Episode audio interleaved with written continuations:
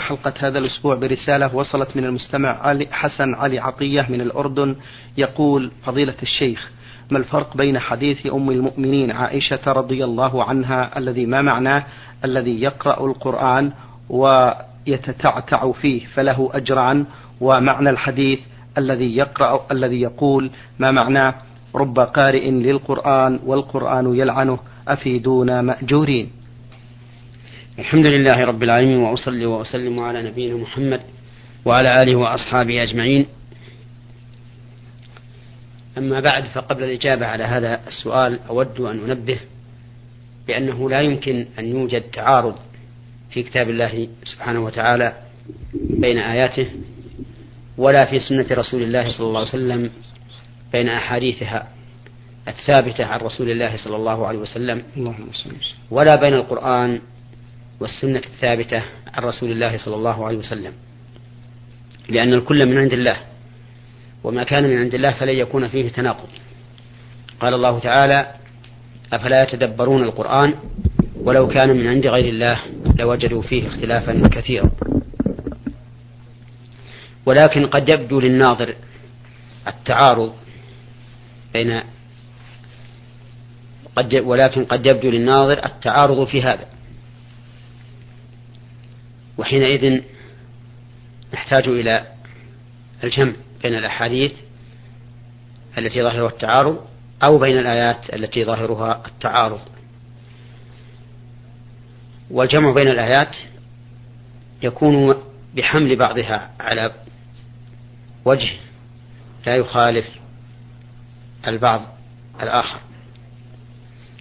مثال ذلك قول الله تعالى ثم لم تكن فتنتهم إلا أن قالوا والله ربنا ما كنا مشركين. وفي قول و وقوله تعالى يومئذ يود الذين كفروا لو تسوى بهم الأرض ولا يكتمون الله حديثا. فإن ظاهر هاتين الآيتين التعارض وأنهم ينكرون أن يكونوا أشركوا بالله. في الآية الأولى وفي الآية الثانية لا يكتمون الله حديثا فيخبرون بما هم عليه. ولكننا نقول الجمع بين هذه أو بين هاتين الآيتين أن للمشركين يوم القيامة أحوالا فتارة يقرون بما فعلوا وتارة ينكرون ما فعلوا. ويوم القيامة يوم مقداره خمسون ألف سنة. وقد يأتي التعارض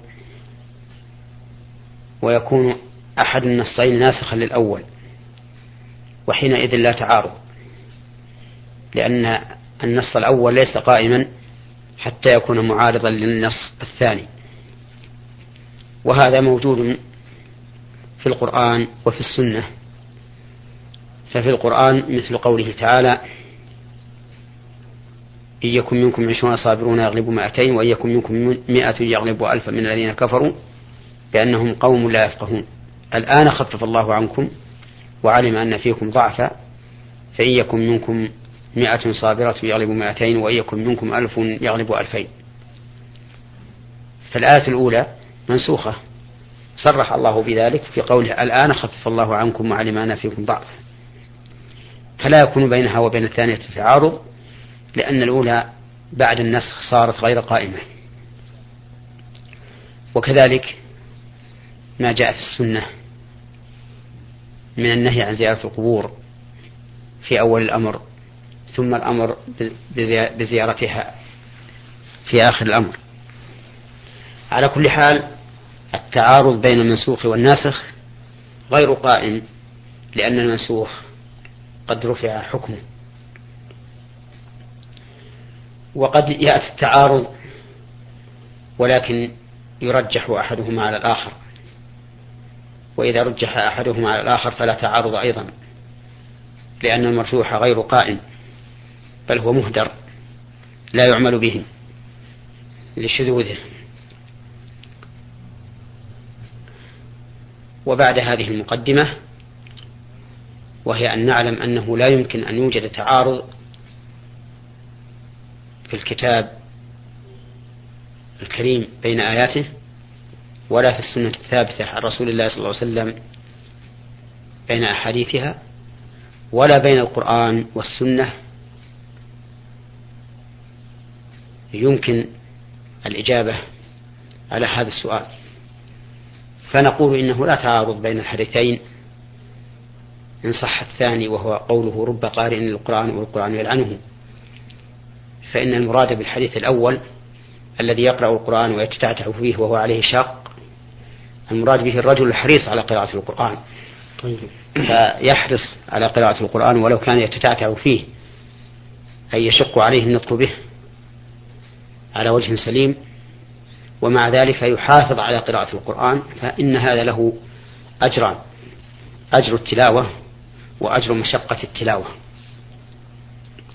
أما الثاني إن صح فالمراد بقارئ القرآن الذي يلعنه القرآن هو القارئ يقرأ القرآن ولكنه لا يؤمن بأخباره ولا يعمل بأحكامه. يكذب الأخبار يحرفها يستكبر عن الأحكام فيخالفها. فمثل هذا القرآن فمثل هذا القارئ يكون قارئا للقرآن لكنه في الحقيقة بريء من القرآن لتكذيبه القرآن أو استكباره عن العمل بأحكامه. ولا فرق بين من يكذب القرآن جملة أو يكذب خبرا واحدا من أخباره وبين أن يرفض أحكامه جملة أو يرفض حكما من أحكامه لأن الله سبحانه وتعالى جعل الكفر ببعض الشريعة كفرا بها كلها. فقال تعالى ناع على أهل الكتاب أفتؤمنون ببعض الكتاب وتكفرون ببعض؟ فما جزاء من يفعل ذلك منكم إلا خزي في الحياة الدنيا ويوم القيامة يردون إلى أشد العذاب وما الله بغافل عما تعملون. وجعل الذين يكفرون ببعض الرسل دون بعض كافرين بالجميع. فقال تعالى إن الذين يكفرون بالله ورسله ويريدون أن يفرقوا بين الله ورسله ويقولون نؤمن ببعض ونكفر ببعض ويريدون أن يتخذوا بين ذلك سبيلا أولئك هم الكافرون حقا. وأعتدنا الكافرين عذاب مهينا. فهذا هو وجه أو فهذا هو القول في ما ذكره السائل. وبه يتبين أنه ليس هناك تعارض أصلا بين ما ذكره السائل. طيب. فضيلة الشيخ هل يلزم لقارئ القرآن أن يكون ملما بأحكام التجويد؟ لا يلزم.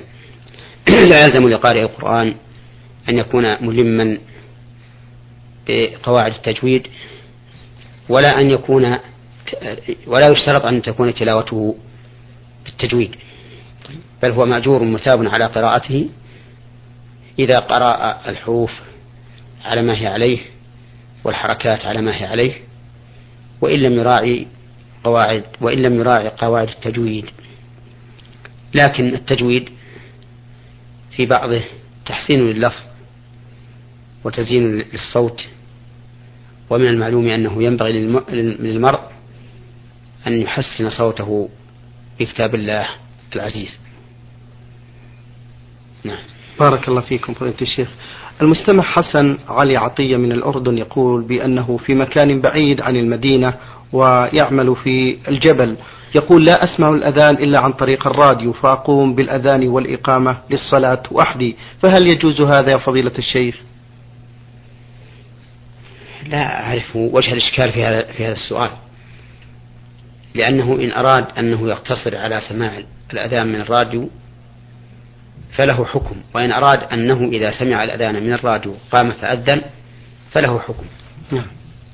فإن كان الأول إن كان الأول نظرنا فإن كان الأذان ينقل مباشرة من المسجد فأرجو أن يجزئه ذلك. لأنه سمع الأذان من المؤذن مباشرة لكن بواسطة هذا هذه الآلة التي نقلته. فهو كما لو سمعه من مكبر الصوت في البلد. وأما إذا كان الأذان ينقل من مسجل كما يوجد في بعض الإذاعات تنقل الأذان من مسجل ولهذا ربما تنقل أذان شخص قد مات فإن هذا الأذان لا يجزئ لأن الأذان عبادة لا بد أن يكون من فاعل. والشريط الذي سجل فيه الأذان ليس فاعلا يتقرب بالأذان كالمؤذن الذي يؤذن بصوته وبلسانه. أما إذا كان المراد الثاني أعني أنه إذا سمع المؤذن من الإذاعة قام فأذن وأقام فهذا طيب وجيد ولا بأس به وليس فيه إشكال لأن كونه يراعي أذان الإذاعة الذي يعتبر على الوقت. خير من كونه يؤذن تخرصا وتخمينا لأنه قد يخرص أو يخمن فيضل في ذلك ويصلي قبل الوقت. ولكن ينبغي بل يجب إذا كان بينه وبين البلد الذي نقل منه الأذان مسافة. يمكن أن يختلف بها الوقت. يجب عليه أن يراعي ذلك أن يراعي ذلك فيتأخر قليلا ليحتاط. نعم. بارك الله فيكم. هذا المستمع عين ألف ألف من الرياض بعث برسالة يقول فيها بأنه تقدم أحد الأشخاص لخطبة أخته والزواج منها. ولكن هذا الشخص لا يصلي فهل يجوز أن نزوجه من أختنا؟ يقول لأن أمي تقول بأنني أعرف هذا الشخص وأمه صديقة لي فهل علينا إثم في منعنا لهذا الزواج؟ نرجو من فضيلة الشيخ التوجيه والنصح مأجورين. توجيهي ونصحي لهذه الأم التي ترغب أن يتزوج هذا الرجل ابنتها. أن تتقي الله عز وجل في نفسها وفي ابنتها وألا تحاول تزويجها بهذا الرجل وذلك لأن هذا الرجل الذي ترك الصلاة كافر مرتد خارج عن الإسلام. والكافر المرتد الخارج عن الإسلام لا يجوز أن يزوج بمسلمة مهما كانت الأحوال. حتى لو كان من بني عمه من بني عمها أو أقاربها الذين يحل لهم أن يتزوجوا بها فإنه لا يجوز أن يزوجوا بها ما داموا لا يصلون. فتارك الصلاة كافر بمقتضى دلالة القرآن والسنة وأقوال الصحابة رضي الله عنهم والنظر الصحيح. وقد تكلمنا على ذلك كثيرا من هذا المنبر. وتكلم غيرنا في ذلك أيضا من أصحاب الفضيلة العلماء.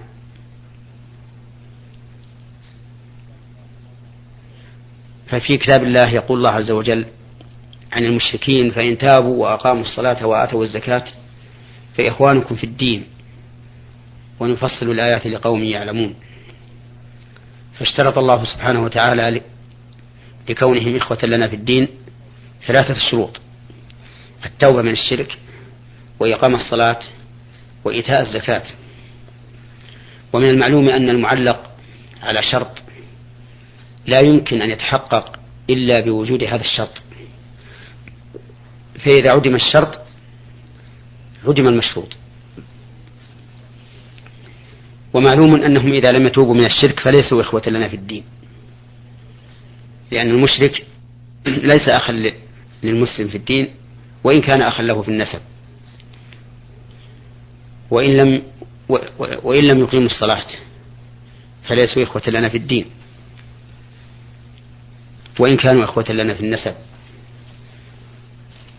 وإن لم يؤتوا الزكاة فليسوا إخوة لنا في الدين.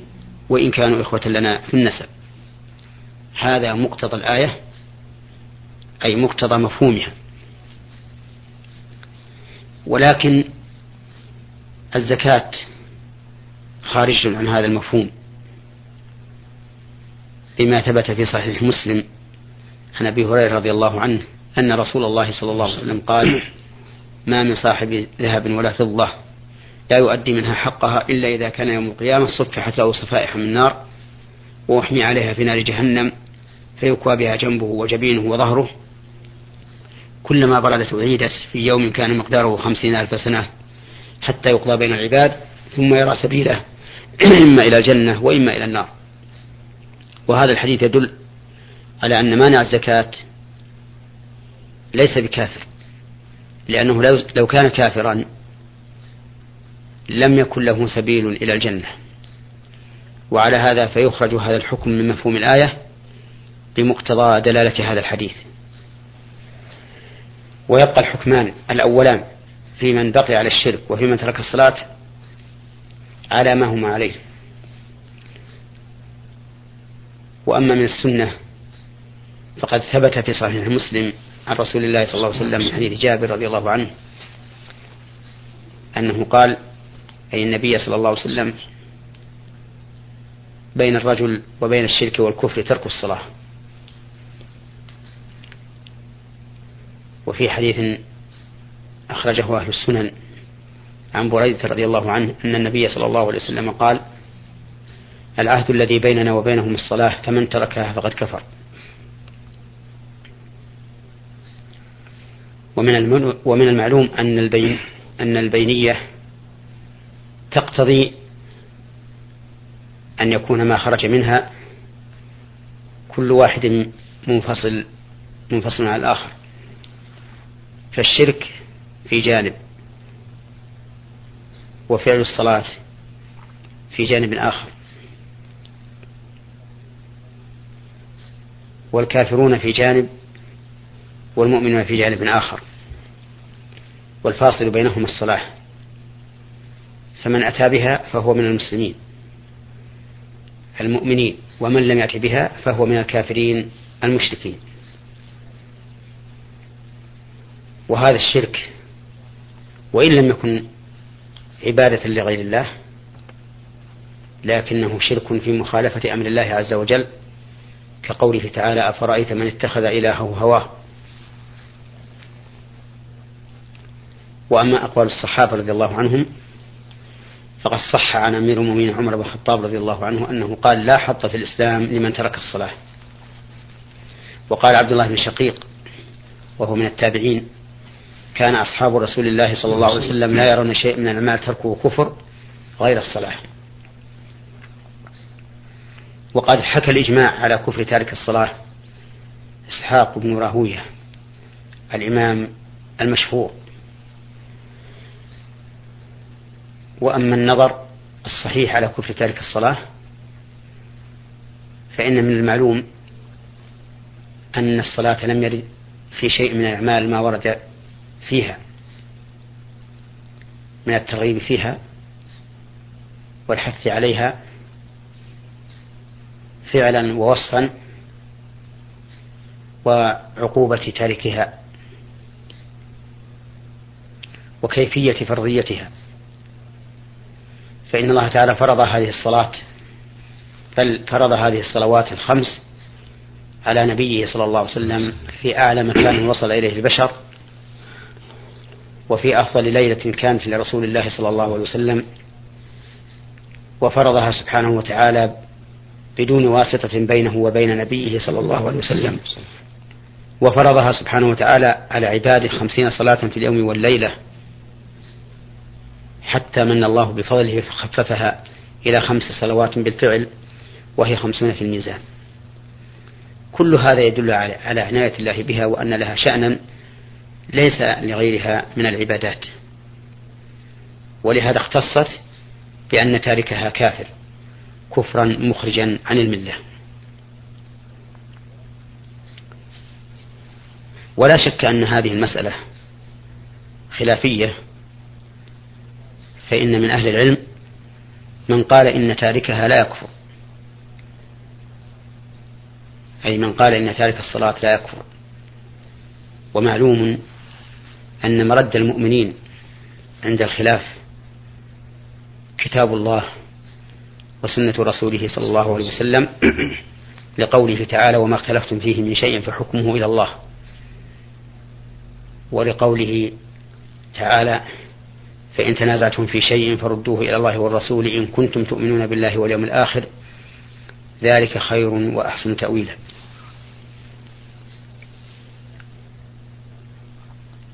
وإذا رددنا هذا الخلاف إلى كتاب الله وسنة رسوله صلى الله عليه وسلم تبين لنا أن كتاب الله وسنة رسوله صلى الله عليه وسلم كلاهما يقتضي أن تارك الصلاة كافر كفرا مخرجا عن الملة وقد ذكرنا أدلة ذلك.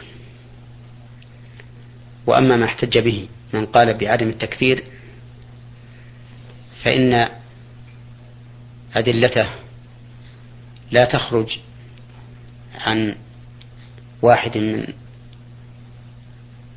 أقسام خمسة فإما أن تكون ضعيفة ليس فيها حجة لأن الضعيف ساقط لا يحتج به في إثبات الشيء أي في إثبات الحكم فكيف يحتج به في معارضة أدلة صريحة صحيحة؟ وإما أن لا يكون فيه دلالة في فيها دلالة أصلا. ولا ولا يمكن أن تدل على أن تارك الصلاة ليس بكافر لا من قريب ولا من بعيد. وإن كانت هي صحيحة السند لكنها ساقط لكن الاستدلال بها ساقط لعدم دلالتها على المعارضة. وإما أن تكون مقيدة بحال يعذر فيها من ترك الصلاة كما في حديث حذيفة بن اليمان رضي الله عنه عن النبي صلى الله عليه وسلم. في قوم اندرس الإسلام عندهم حتى لا لم يدركوا منه إلا لا إله إلا الله. فهؤلاء معذورون لأنهم لم يعرفوا شيئا من أحكام الإسلام. فإذا ماتوا على على قول لا إله إلا الله مع استسلام قلوبهم لله وظواهرهم لما علموا من دين الله فإن هؤلاء لا يحكم بكفرهم. بل هم مؤمنون لكن هذا هو غاية مقدورهم. وقد قال الله تعالى لا يكلف الله نفسا إلا وسعها. وإما أن تكون الأدلة التي استدلوا بها مقيدة بوصف يمتنع منه غاية الامتناع أن يدع الإنسان الصلوات الخمس. كحديث عتبان بن مالك رضي الله عنه أن النبي صلى الله عليه وسلم قال إن الله حرم على النار من قال لا إله إلا الله يبتغي بذلك وجه الله. ومن المعلوم أن هذا الحديث ليس على إطلاقه لأننا لو أخذناه على إطلاقه لقلنا إن كل إنسان عاص مهما بلغ مهما بلغت معصيته محرم على النار لا يمكن أن يدخلها. إذا كان يقول لا إله إلا الله يبتغي بذلك وجه الله. وهذا لا يقوله به لا يقول به أحد. لأنه ما من إنسان عاص إلا وقد استحق دخول النار بمعصيته التي رتب عليها دخول النار لكن إذا لم يكن كافرا كفرا مخرجا عن الملة فإنه يخرج من النار بالأسباب التي جعلها الله تعالى سببا لخروجه من النار. وإذا كان هذا الحديث ليس على إطلاقه فإن نقول إن وصفه بقوله يبتغي بذلك وجه الله يمنع أن يدع الصلوات الخمس. لأن كل إنسان يقول لا إله إلا الله يبتغي بذلك وجه الله. لا يمكنه أبدا أن يدع الصلوات الخمس. لأن مبتغي الشيء لا بد أن يطلبه. ومن المعلوم أن الطريق الموصل إلى الله من أهمه سلوك هذا الطريق وهو إقامة الصلاة. وعلى هذا فليس في هذا الحديث دليل على ما ذهبوا إليه. لأنه لا يصح الاستدلال به طردا ولا عكسا. القسم الخامس أن تكون أحاديث عامة. فتخصص بالأحاديث الدالة على كفر تارك الصلاة. فالقول الراجح الذي لا يخفى رجحانه على من تأمل الأدلة مجرد نفسه عن أي اعتقاد سابق هو أن تارك الصلاة كافر كفرا مخرجا عن الملة وإن كان يعتقد أنها واجبة.